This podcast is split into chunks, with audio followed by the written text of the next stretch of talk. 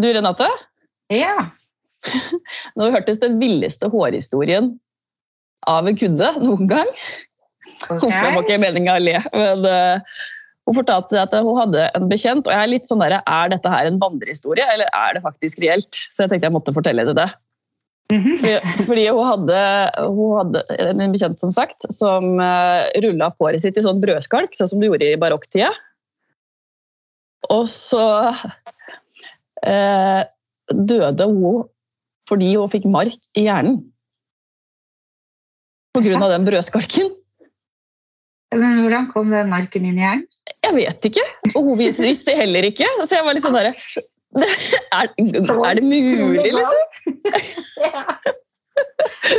Men det var jo en bekjent som fortalte ja, Det, det blei litt sånn derre Jeg blei sittende og tenke på er det mulig? Går det an, liksom? En mark? Hva tror du? Eh, Det, det aner jeg ikke. Det har jeg egentlig aldri tenkt noe om. Tror, det er ikke det jeg tenker over i hverdagen. Men jeg tror at det absolutt kan være mulig. Hvis det er små Man kan jo få andre ting, men da går det vel inn gjennom øra, da, har jeg skjønt. Uh. Ja, jeg vet ikke. Men eh, ja. Konklusjonen her må vel være at man bør bruke donut og ikke brødskalk. Ja, det er noe med det. Ikke putte matrester i håret, kanskje. Med mindre det er akutt krise. Jeg vet ikke.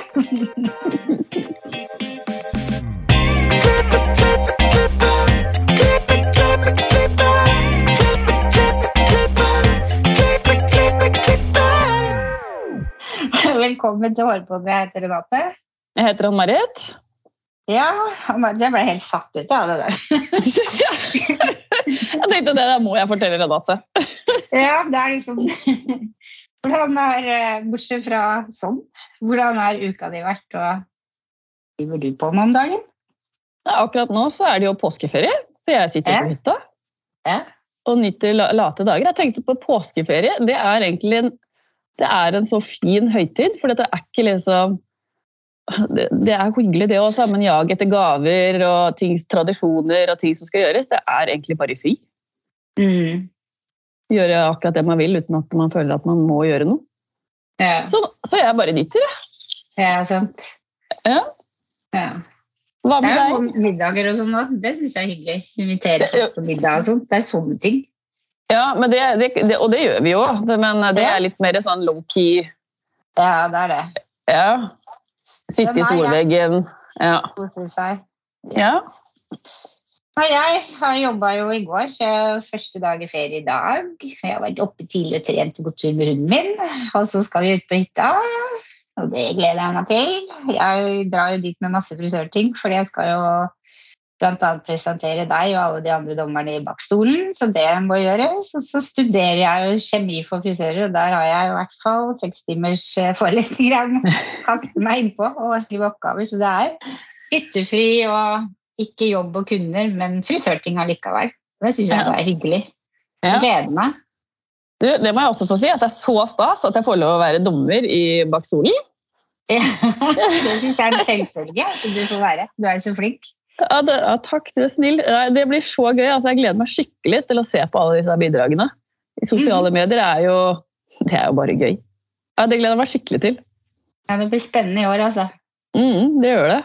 Og så er det spennende at det er åpenhet om det. Og så er det veldig spennende at du nok en gang presser på med show.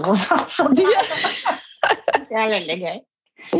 Men det skjer jo andre veldig spennende ting rundt oss òg, da, Marit. For vi har jo med oss en gjest i dag.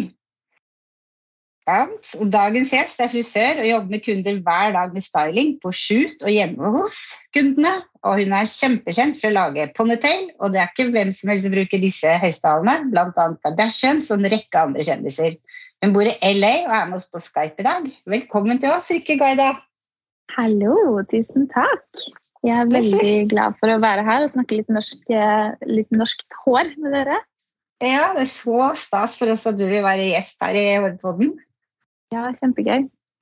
Kan ikke du fortelle litt om å starte hvordan din frisørkarriere begynte? Jo, det kan jeg fortelle. Den starta veldig tidlig.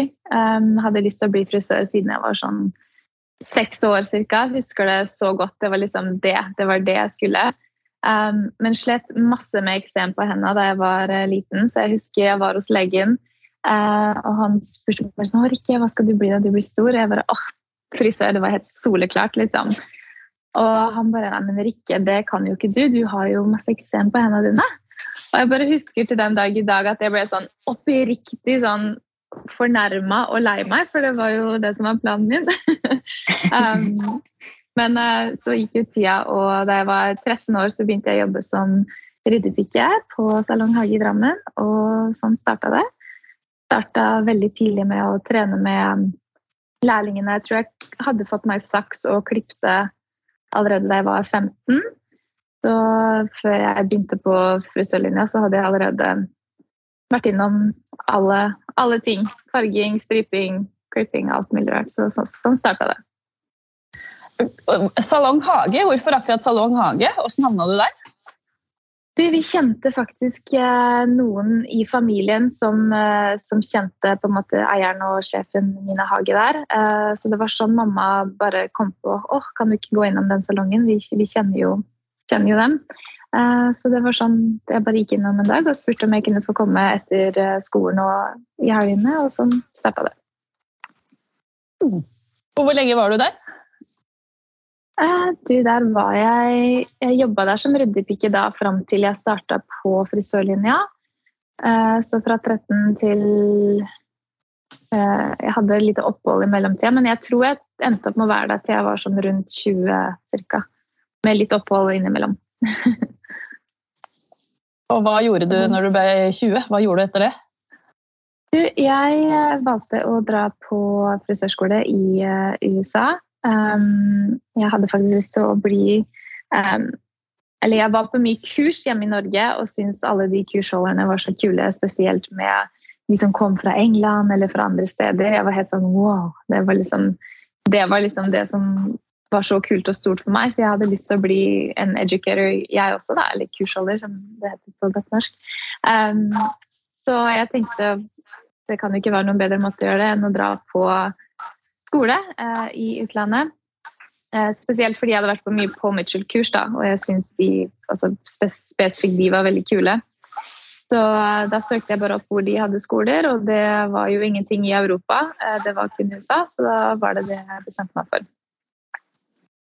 Og da bare reiste du? Ja, jeg gikk ferdig læretida mi hjemme.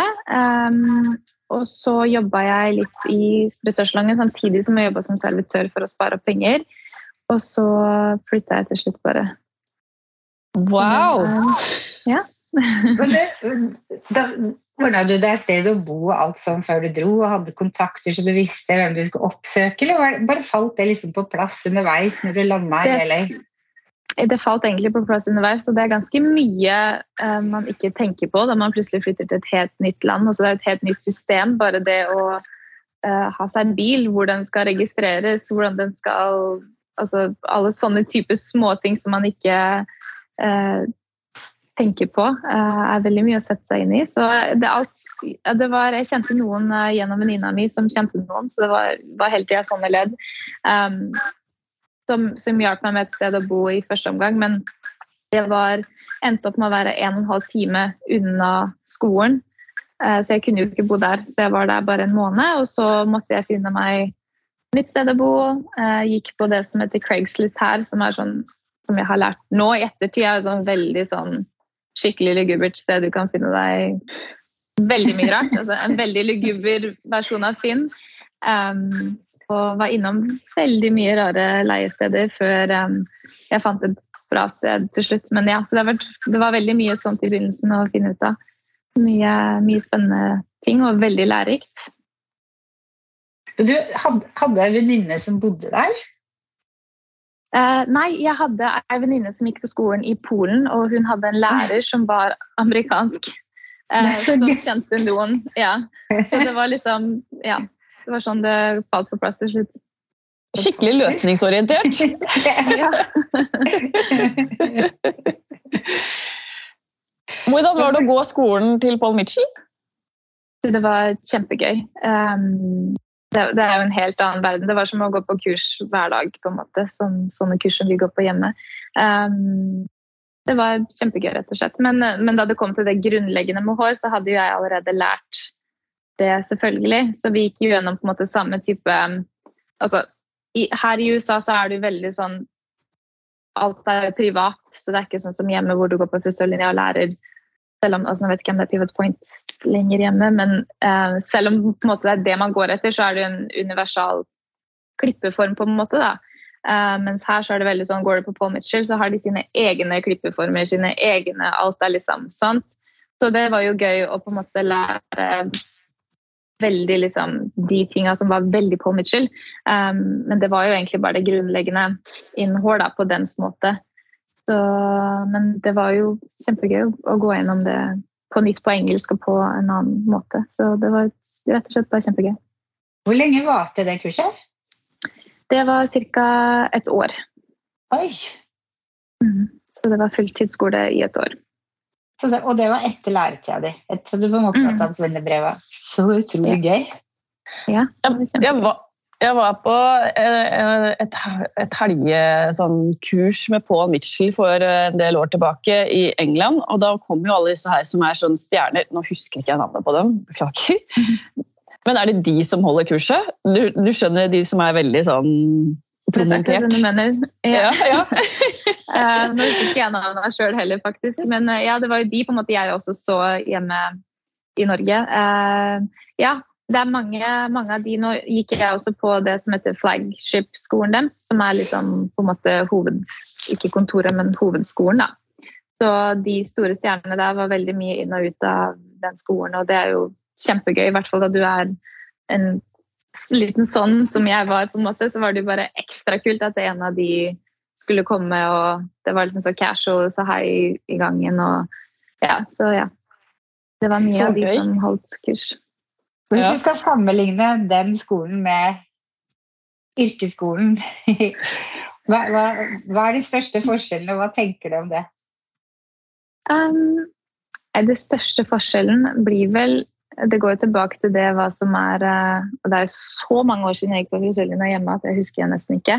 Men jeg hadde det kjempegøy på frisørlinja i, i Norge òg. Jeg syntes det var kjempegøy. Jeg hadde en råkul lærer fra uh, Hårkompaniet i Mjøndalen. Uh, hun het Kirsten. Hun var jo helt så kul, liksom. Hun var min norgesversjon av de som jeg så på scenen fra, fra USA. på en måte. Uh, så jeg syns det var kjempegøy på, på frisørlinja også. Men forskjellen blir jo det at den skolen jeg gikk på, kosta jo penger òg, så det går tilbake på en måte til det som er privat og ikke privat, og hvordan USA er litt annerledes sånn. Alt er jo liksom mye mer større og opphausa og ja, til og med det kjedelige pensum man må gjennom, er gjort morsomt, på en måte. da. Ja. Eh, så største forskjellen um, er vel det at det føles ikke så veldig sånn skolete ut, på en måte. da. At du kommer inn i en kjempefancy salong, og så er det noen klasserom bakerst, men det er jo egentlig bare skikkelig flotte, kule rom med scener, og det er musikk og Så ja, det er vel det som er store forskjellen. At det blir ikke så sånn grått og skolete, på en måte. Syns du det var utfordrende å ta det på engelsk, eller syns du det bare var liksom en bonus? Eh, nei, det gikk ganske fort eh, å komme seg inn i den ordentlige engelske. Så var det på en måte der eh, Det var jo det jeg var der for Å på en måte lære noe nytt og gjøre noe, noe, mer. på en måte, For hår kunne jeg allerede. på en måte, Så det var jo bare å gjøre det på en ny måte. Så det var egentlig bare, bare gøy. Og når du var ferdig med den skolen, hva gjorde du da? Du, da kom jeg hjem til Norge en veldig kort uh, stund. Planen min var jo egentlig å dra på den skolen uh, bare for å se hva som skjedde, egentlig. Kanskje komme hjem til Norge og tenkte jo automatisk at jeg kom til å være en kjemperessurs for eh, Paul Mitchell Norge, f.eks. For eksempel. Fordi jeg var jo den eneste som noen gang hadde faktisk gått på skolen deres og virkelig kunne deres teknikker. Og, så jeg tenker liksom wow, det er sikkert en kjempebillett liksom bare rett inn til, til det i Norge, da. Um, men uh, så fikk jeg jo blod på tann, for det var jo veldig gøy å være her. Og jeg så jo på en måte hvordan muligheter det kan være her òg, da. Så jeg var hjemme eh, i ca. Ja, nesten et år. Eh, Jobba på salonghage igjen. Eh, men eh, ville jo tilbake hit, så det var det jeg endte opp med å gjøre. Så jeg jobba bare beinhardt for å tjene penger hjemme. Og så måtte jeg søke meg inn på skolen igjen for å kunne komme meg ned hit. Så da, det første året som jeg var der, så tok jeg eh, det som het For her er det enten cosmetology eller barbering. Så siden jeg allerede hadde cosmetology som um, Hva kaller man det igjen? Holdt jeg på å si kvinneyrke, men det ikke uh, herrefaget og Damefaget? Ja. Ja. ja. hadde damefaget hjemmefra, så um, tenkte jeg ok, da tar jeg barbering. Det er bare for å gjøre noe nytt. Så jeg lærte litt sånn ordentlig sånn straight shaving og um, sånn. Så det var det jeg gjorde det første året. Og da jeg kom tilbake igjen, så gjorde jeg det som heter en crossover til cosmetology. Sånn at jeg har på en måte begge lisenser da, her i USA. Så, så ja, jeg jobba bare beinhardt hjemme et år for å tjene penger for å dra tilbake, og det var det jeg gjorde. Er målbevisst, da. Men når du var ferdig da med den crossoveren, fikk du da automatisk jobb i salong, eller hadde du kontakter som gjorde at du gikk rett på stylist, eller? Nei, jeg begynte Først så fikk jeg lov til å jobbe backstage på The Gathering, eh, som er eh, Det var jo sikkert det du var på eh, Det var det. i England. Ja. De har liksom den, den største versjonen av det har de i, eh, i Las Vegas hvert år. Så jeg fikk jobbe backstage på det rett ut av skolen, og det var jo kjempestas. Det var liksom opp klokka fire hver dag og bare preppe og preppe hår backstage og sende flotte modeller ut på scenen, og det var kjempegøy. Det var jo det jeg ville, så det var jo råkult å få gjøre det. Eh, Men etter det så flytta jeg faktisk til Las Vegas, og så jobba jeg i et studio der som også eh, lagde Vi lagde våre egne produkter. Eh, Altså ikke vi, men vi hadde produkter da, i den salongen som vi lagde der, og var en liten sånn fotoshoot-studio. Men teknisk sett en vanlig salong. Så jeg gjorde det i noen år eh, før eh, jeg flytta tilbake til LA. ja. Her- Herregud, for en historie. ja det er Mye fram og tilbake her. Men du er jo kjent for å lage hestehaler. Ja. Hvordan, kom du, hvordan, hvordan havna du der? Du, um, altså for å gå litt tilbake igjen, så uh, ville jeg jo endte opp med å reise fra Norge fordi jeg følte at det var for vanskelig på en måte å komme høyere på en måte da, i Norge, eller gjøre noe litt mer Um, Nå hadde jeg kanskje ikke riktige connections, eller kjente kanskje ikke nok folk, eller visste ikke helt hvordan kanskje bransjen um, jobba, eller hvordan den funka på en måte i, um, i Norge. Men jeg bare følte at eh, jeg klarte ikke å komme til det nivået som jeg ville da, ved å bare jobbe i salongen hjemme. Så um, da jeg kom til å jobbe i Las Vegas da, så begynte jeg til slutt å føle litt det samme. At det var litt sånn, ah shit, ok, men jeg flytta helt hit, gjorde alle de tingene her, og så jobber jeg egentlig fortsatt bare i en salong. Jeg ville jo liksom gjøre mer. Um, men det var egentlig aldri spesifikt hår for kjendiser, eller jeg visste liksom egentlig ikke spesifikt hva det var. Jeg ville bare bli verdens beste frisør, hva enn det betydde. Jeg tror ikke jeg vet hva det betydde for meg sjøl heller. Men for å dra det tilbake igjen da, til spørsmålet ditt, så begynte jeg å bli sånn skikkelig lei av jobben min i Las Vegas og begynte å tenke sånn Fader, nå, nå får jeg den samme følelsen som jeg hadde hjemme. liksom. Nå, hva skal jeg gjøre? Jeg må, jeg må gjøre noe. Og så plutselig så, så jeg på Instagram eh, en eh, kjendisfrisør som eh, posta at han trengte eh, assistent. Så tenkte jeg litt sånn, å, assistent, jeg lurer på hva det liksom hva innebærer det? Altså, jeg er jo langt ifra det på en måte sjøl. Har jobba som frisør i så mange år. Um, men så tenkte jeg "Ah, det må jo være ganske kult. eller sånn, Det innebærer sikkert masse parykklaging, farging av hår, bla, bla, bla. Visste liksom ikke helt. Da, men så bare fikk jeg en sånn følelse av at shit, den jobben der kommer jeg til å få. Jeg bodde jo i Las Vegas da, det er jo fem timers kjøretid unna. da.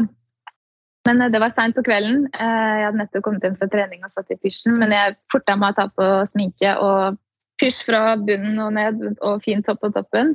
Og så sendte jeg en eh, kjapp video. eh, Og dagen etter så ble jeg innkalt til intervju. Jeg hadde jo ikke sagt at jeg bodde i eh, Las Vegas, da hadde jeg sikkert aldri fått jobben.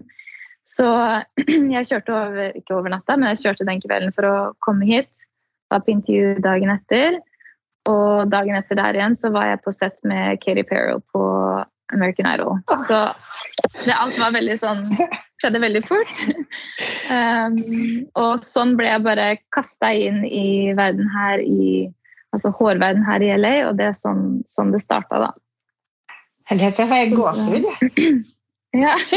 Snakk om det der å gripe sjansen og hoppe på bussen og Wow! Det var så merkelig. Jeg bare fikk en sånn skikkelig sånn følelse. Jeg bare så det at han posta Jeg hadde nettopp begynt å følge han også. Jeg visste egentlig ikke så mye om hvem som fiksa kjendisene. Det var bare sånn helt random. Og så bare fikk jeg en sånn skikkelig følelse at fader, den jobben får jeg. Um, så da var det bare å kaste seg rundt da, og kjøre på. Og da, da jobba du for han, da. Men gjorde du det lenge, eller gjør du det fortsatt, eller? Nei, det var, eh, det var, et år, og godt var det, alt jeg å si. Det var veldig eh, Det var veldig mye jobb og lite søvn, og følte jeg så ti år yngre ut enn det jeg gjør i dag, holdt jeg å si. Bare for, eh, for stresset, holdt jeg å si, som det kom med. Men, men, det er litt sånn det er her, på en måte, og det er litt måten man Måten vi jobber på, på en måte, i det, på, en måte på det nivået, da, med, og med de typer menneskene vi får jobbe med, så er det veldig det er veldig sånn, og det er ikke noe rom for feil. og Det er lange dager og mange timer. og Trenger du en rosa parykk, så du bare fikse det, og du får fiksa det, på en måte. Og det lærte jeg da. Så det var eh, et kjempemorsomt, men hardt, eh, hardt år. Så, men det var sånn jeg begynte å lage hestehaler, siden det var det du spurte om. Så um, trengte vi en hestehale bare en dag, og vi hadde ikke noen allerede laget. Måte. Så han bare sånn OK, du må lage hestehale. Jeg hadde jo null peiling på hvordan man i det hele tatt skulle begynne. Uh, men det er jo litt sånt jeg liker, og jeg liker å jobbe litt under presset. Så jeg var litt sånn OK, hvis jeg tenker meg hvordan hestehale faller ut av hestehalen, på en måte, hvordan burde, hvordan burde, jeg lage basen for det? Og så prøvde jeg meg bare litt fram, og så sakte, men sikkert så um, Ja, så fant jeg en god uh, en god base på det, på en måte, og så ble det bare en greie. Um, den første jeg lagde, var til Kim Kardashian. Uh, etter det så har det jo vært til Det var jo til alle kundene hans. Uh, Ariana Grande, uh, veldig mange til J.Lo. Så var det et par andre typer hårdeler også. Litt sånne store hårdeler som man har bak her. alt mulig rart som vi, han eventuelt trengte, da. Så det var sånn det starta. Så ble det da bestillinger fra andre frisører da, til sine kunder, eh, så ble det liksom Det var egentlig bare ikke planlagt at det skulle bli en, en hestehalemaker eller noen ting, men det, det, bare ble sånn ved siden av annen jobb, så, så det er gøy. Men Hvordan er det å jobbe med alle disse kjendisene? Det er veldig gøy, men det er masse press. Ja. Og det er mange rare personligheter. Det er noen dager så sier vi ikke hei, andre dager så snakker vi om eh, personlige ting, og plutselig neste dag igjen så er det der er vi liksom på, bare så vidt på heien igjen. Altså, det er ikke alle som er sånn, da, men det er veldig, eh, det er veldig mye rart, på en måte. Men uh, kjempegøy. Så du må jeg liker liksom litt Ja. Du må liksom tune inn på dems følelser når du går på jobb, lese hva, hvor de er i dag, og så stille deg inn på det? Ja, du må skikkelig lese rommet og bare ja, go with the flow. For dere har sikkert vokst opp med Kim Kardashian, og jeg har selvfølgelig sett alt som fins der. Hvordan er det å være sammen med henne? Jeg må spørre rett ut. Vet du hva? Hun er faktisk min, min favorittperson. Hun er så hyggelig, så snill, så respektfull og virkelig har ikke en eneste vond ting å si om henne i det hele tatt. Eh, hun er veldig smart. Veldig, de fleste, hun lagde jo litt image for seg sjøl, kan man jo si òg, på en måte, sånn i sine tidligere dager. Eh, men hun er kjempesmart, kjempebusinessmina, jobber masse, masse sjøl med det, er, altså, det blir sikkert lett for meg å si, fordi jeg ser det jo fra andre sida. Men det er så vittig for meg da alle er sånn Å, men de jeg kjenner, så de gjør jo ingenting for merket sitt, eller de jobber ikke, de bare, betaler jo bare for andre, men det er virkelig ikke sånn. Altså, de jobber skikkelig hardt sjøl, og det er inspirerende, faktisk. Så hun er en av mine favorittmennesker. Fantastisk. Faktisk en morsom, eh, ja, en morsom historie. Første gangen, nei, andre gangen jeg var hos henne, Um, Uff a meg. Det er grusomt, faktisk. Så skulle Vi hadde lagd en sånn half up, half down-hårfrisyre eh, på henne. Så hvis vi er to da, og gjør det, så har på en måte Nå var det jo Chris den gangen, da. Så hadde Chris på en måte børsta det sånn, og så tar jeg en sånn lang sånn strekk, og så trer jeg rundt.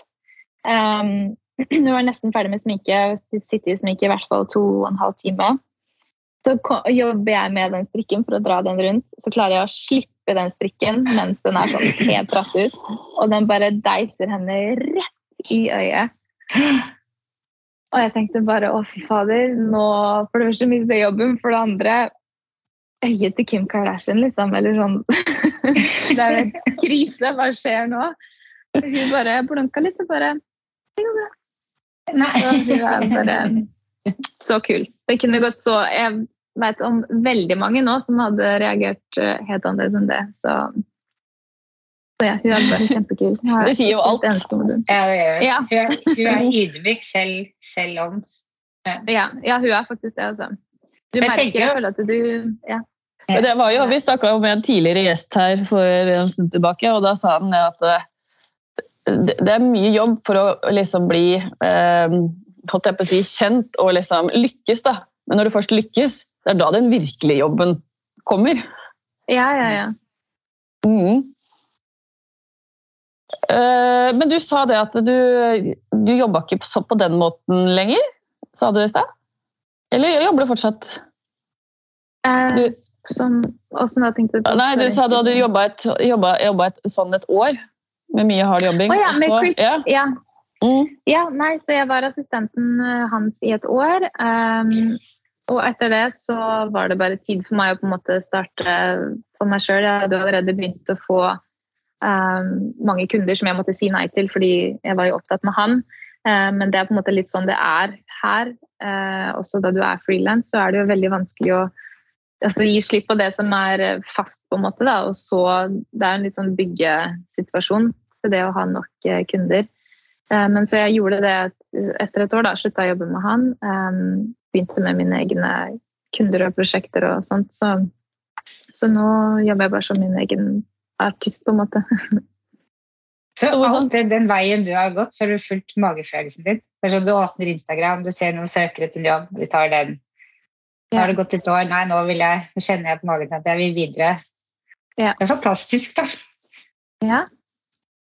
Det var liksom litt det jeg savna kanskje hjemme i Norge, at man, man, man kan ikke jobbe sånn, på en måte. Alt er liksom veldig sånn um, Føltes det i hvert fall som alt var veldig sånn Nei, du kan bare gjøre det sånn, og så kan du bare gjøre det sånn.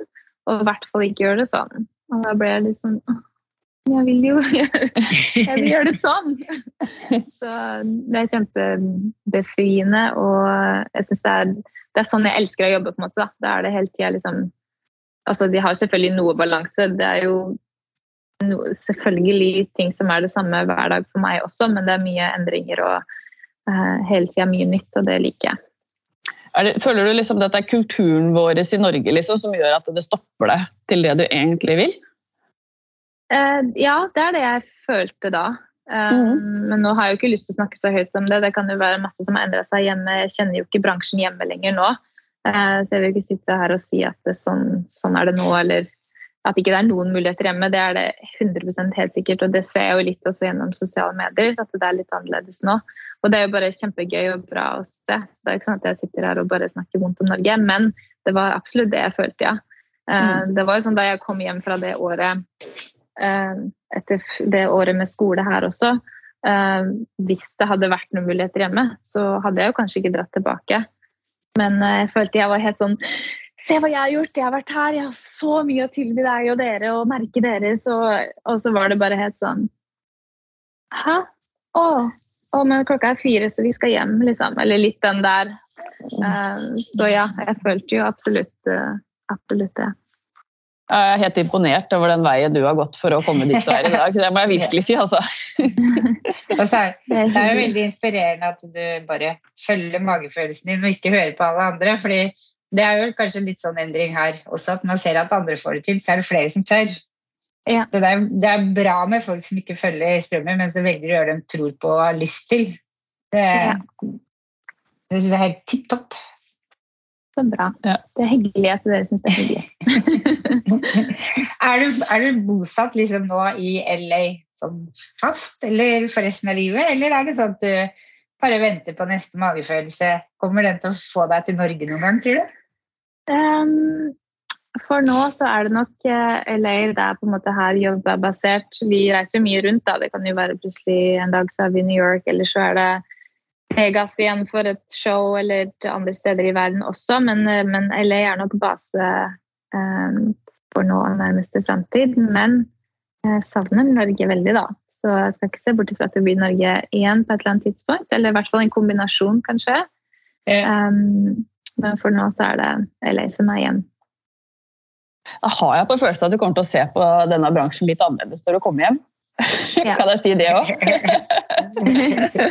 ja, det håper jeg jo. Jeg gleder meg så Jeg har ikke vært hjemme på veldig lenge.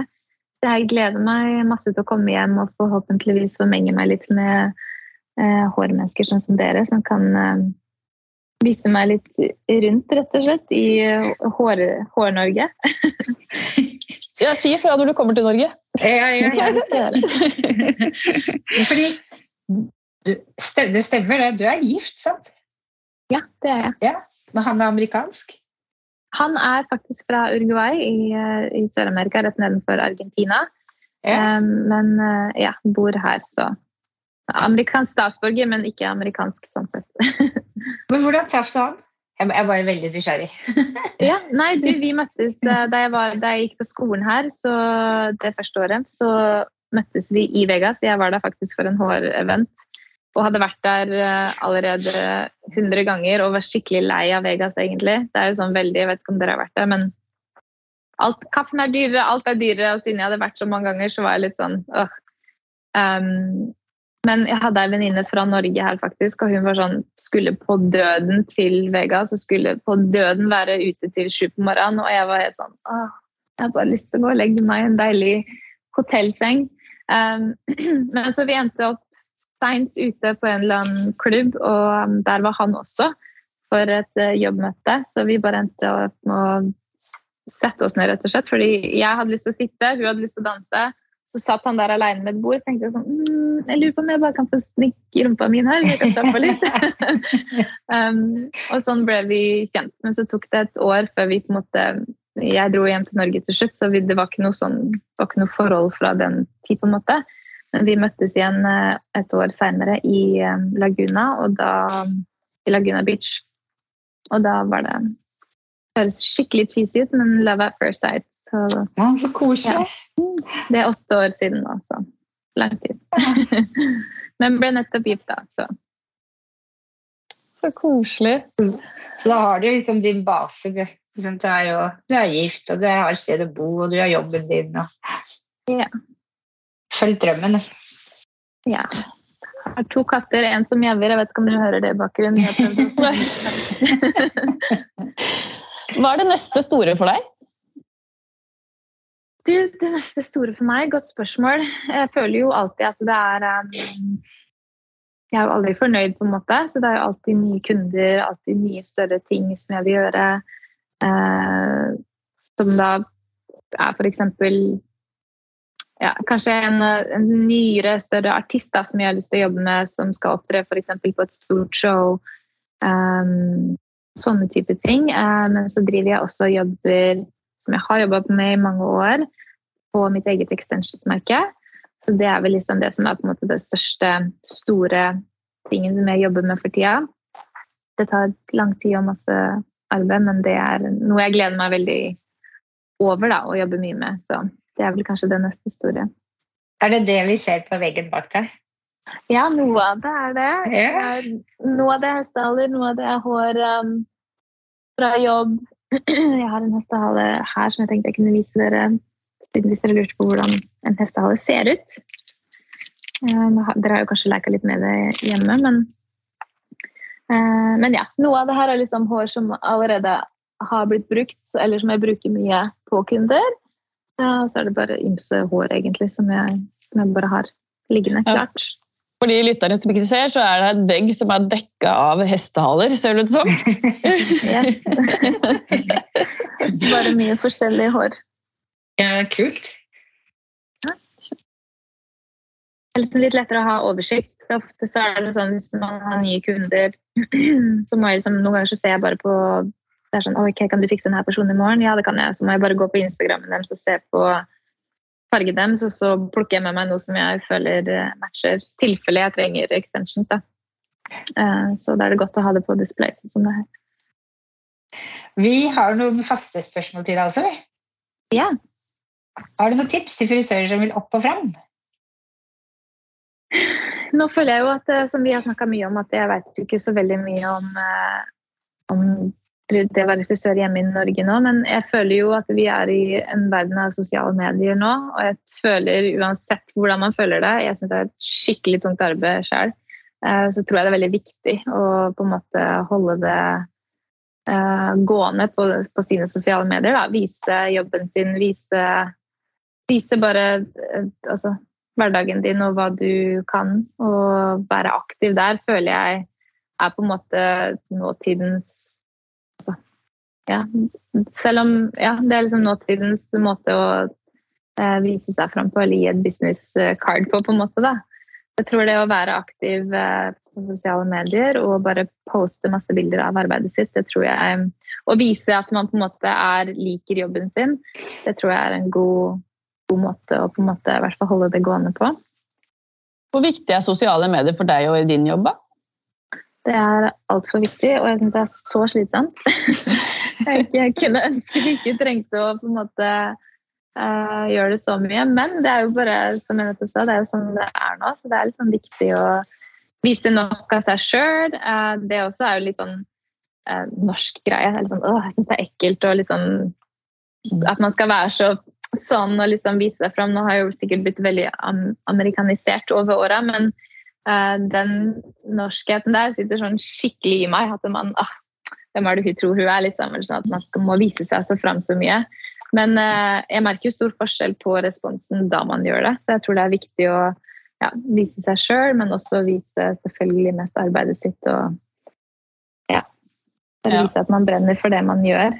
Uh, man vil jo heller gå til noen som virker som de virkelig bryr seg om altså, fargeteori f.eks., eller hva som skjer med håret hvis du gjør sånn og sånn, enn noen som ja, ikke bryr seg, eller virker som de bryr seg, i hvert fall. Da. Mm. Jeg kjenner det du sier der, og det har liksom så stor effekt at man bruker seg selv og kanskje snakker til kamera selv, framfor at du bare tar et bilde av noe annet og skriver. Liksom. Det er Mm. Ganske mye stor forskjell, faktisk. Men ja, det er litt sånn ja, norskt og ikke norskt å stikke seg fram. ja, det er det. Mm. Den sitter skikkelig i. ja. Hva inspirerer deg? Um, jeg synes dere inspirerer meg. Andre som på en måte brenner for litt uh, andre typer ting. Eller bare det at dere har lagd en hårpodkast. Det bare er så kult. Så jeg synes andre innenfor yrket, på en måte, og innenfor, uh, innenfor den lille salongen man kanskje jobber i, f.eks. Uh, eh, hvordan andre jobber annerledes. Det syns jeg er kjempeinspirerende, at man kan ta ting fra hverandre på en, måte, på, på en god måte. Uh, det syns jeg er inspirerende. Uh, men også i min egen hverdag, da. nye Det å på en måte gjøre nye ting, være kreativ, ha ingen grenser noen ganger. og hvis man må faktisk sette en venninne ned i stolen og fikse henne på håret og gjøre den hårstylen som du har hatt lyst til å prøve, som du aldri kommer til å få prøvd fordi du har kanskje ikke de kundene i salongen, men bare for å på en måte få de hendene dine og få gjort det, på en måte. Det tror jeg kan hjelpe veldig på det å holde seg sjøl inspirert. Det er bare å vite at du har gjort det, da, og få følelsen av at du gjør det og har det litt i hendene. Veldig bra tips. Ja, veldig. Hvis, hvis, du kunne forandre på noe med frisørbransjen, hva ville du forandre på da? Um, det er et veldig godt spørsmål. Um, jeg veit faktisk ikke. Jeg føler at um, Igjen, nå har jeg kanskje sagt det for mye, da, men uh, det blir jo så annerledes siden jeg tar utgangspunkt i min bransje her. Uh, og det blir jo litt annerledes i forhold til bransjen hjemme. Uh, Hva kunne vi tatt lærdom av altså, hvordan dere i USA gjør det, og hvordan vi gjør det i Norge? Jeg tror Hvis vi tar det tilbake til måte skolen, der hvor det begynner, eh, så er jo jeg f.eks. en person som aldri har vært flink på skolen før akkurat frisørlinja, hvor man faktisk kan være kreativ og bruke hendene sine. og eh, Det er ofte det vi har i felles, vi frisører, at vi er, eh, flinkere der, på en måte. Um, og det har alltid vært vanskelig for meg, akkurat den skoleskoledelen av skole. Og man får liksom automatisk det stempelet at åh, kommer, da, du kommer til alltid til å slite, du kan aldri gjøre noe ut av deg, liksom. Så det å kanskje gjøre, gjøre det mindre skolete da, for de som syns det er veldig vanskelig, men som kan bli en kjempedyktig frisør, liksom. Um, at ikke det blir så mye press rundt akkurat det skolegreiene. Hvor finner lytterne deg på sosiale medier? De kan finne meg på Instagram på Ricky Gash. Eh, det er eh, måtte endre litt på navnet mitt, fordi ingen klarer å si Rikke Gaida her. Så det var sånn What is it? Rick, Rick Gosh. Så da ble det Ricky Gosh ble lettere. tusen, tusen takk for at du kom og fortalte din historie på Hårpodden. Tusen takk for at jeg fikk være med. Det var kjempehyggelig å få snakke med dere på norsk og snakke om hår. og gleder meg masse til å forhåpentligvis møte dere og ordne litt hår sammen i Norge snart. Ja, det har vært helt fantastisk. Det har vært så inspirerende å høre på deg. Ja, virkelig. Jeg gleder meg så mye til opptaket her. Ja, så bra. Det er jeg også. Ja. Og gi oss gjerne stjerner og følg oss på iTunes, og selvfølgelig Spotify og alt overalt der vår podkast utgis. Og følg oss i tillegg på Instagram, Facebook og TikTok.